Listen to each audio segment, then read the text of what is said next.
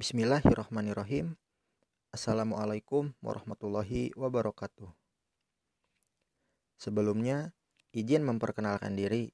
Nama saya Herpin Alpiansyah dengan nomor induk mahasiswa 2007801 dari program studi Kepelatihan Fisik Olahraga Fakultas Pendidikan Olahraga dan Kesehatan Universitas Pendidikan Indonesia.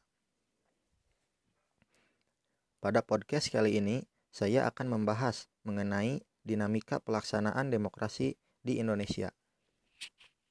Mungkin kata demokrasi di sini sudah tidak asing lagi buat teman-teman semuanya. Persoalan yang terjadi di dalam demokrasi merupakan bukan hal yang bersifat alamiah, tetapi merupakan hal yang bersifat universal dan semata-mata yang diciptakan oleh manusia. Demokrasi yang ada di Indonesia merupakan sistem yang diselenggarakan dari rakyat, oleh rakyat, dan untuk rakyat. Pemikiran tentang demokrasi sendiri merupakan sebagai ciri khas dari pelaksanaan kedaulatan rakyat atau demokrasinya di dalam negara Indonesia sendiri. Negara Indonesia telah mentasbihkan sebagai negara penganut demokrasi Pancasila. Hal ini ditentukan oleh sejarah negara yang bersangkutan dan kebudayaannya. Sebagai negara demokrasi, Indonesia memiliki ciri atau kekhasannya. Ciri demokrasi tersebut yaitu yang dianut oleh negara Indonesia adalah demokrasi yang berdasarkan Pancasila yang sampai saat ini masih terus berkembang. Sebelum negara Indonesia merdeka, Indonesia sendiri sudah mengenal dari tradisi demokrasi. Pentingnya penerapan demokrasi sebagai sistem politik di dalam suatu negara guna untuk mencapai tujuan bernegara, yakni untuk kesejahteraan di antara pemimpin negara dengan rakyatnya.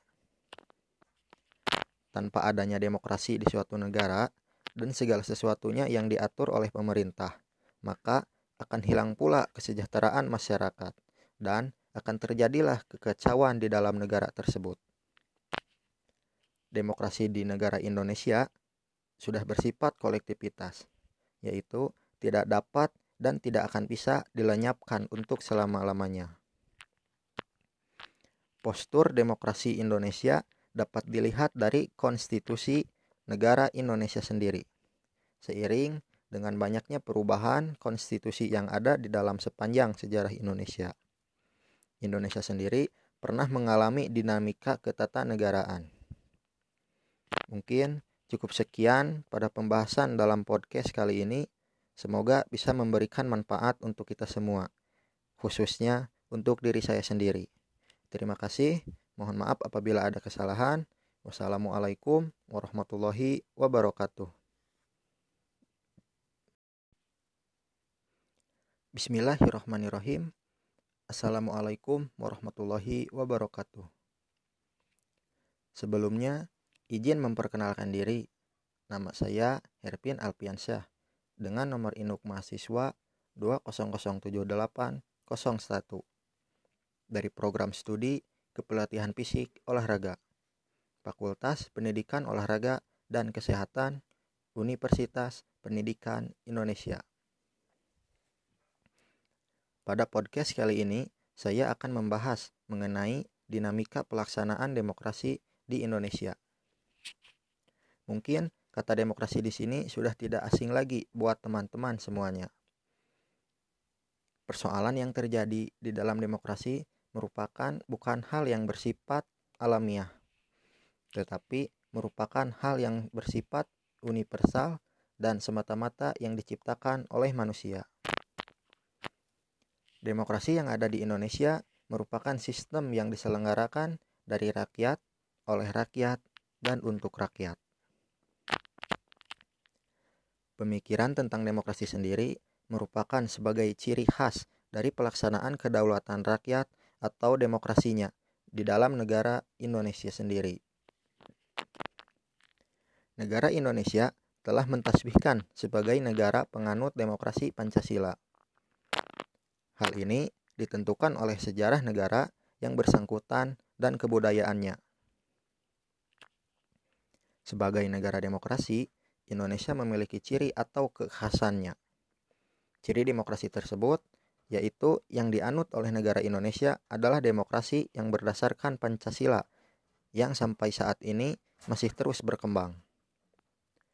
Sebelum negara Indonesia merdeka, Indonesia sendiri sudah mengenal dari tradisi demokrasi.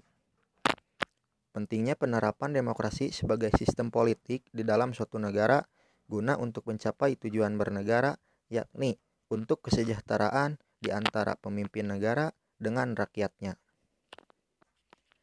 Tanpa adanya demokrasi di suatu negara dan segala sesuatunya yang diatur oleh pemerintah, maka akan hilang pula kesejahteraan masyarakat dan akan terjadilah kekacauan di dalam negara tersebut. Demokrasi di negara Indonesia sudah bersifat kolektivitas, yaitu tidak dapat dan tidak akan bisa dilenyapkan untuk selama-lamanya. Postur demokrasi Indonesia dapat dilihat dari konstitusi negara Indonesia sendiri. Seiring dengan banyaknya perubahan konstitusi yang ada di dalam sepanjang sejarah Indonesia. Indonesia sendiri pernah mengalami dinamika ketatanegaraan. Mungkin cukup sekian pada pembahasan dalam podcast kali ini. Semoga bisa memberikan manfaat untuk kita semua, khususnya untuk diri saya sendiri. Terima kasih. Mohon maaf apabila ada kesalahan. Wassalamualaikum warahmatullahi wabarakatuh.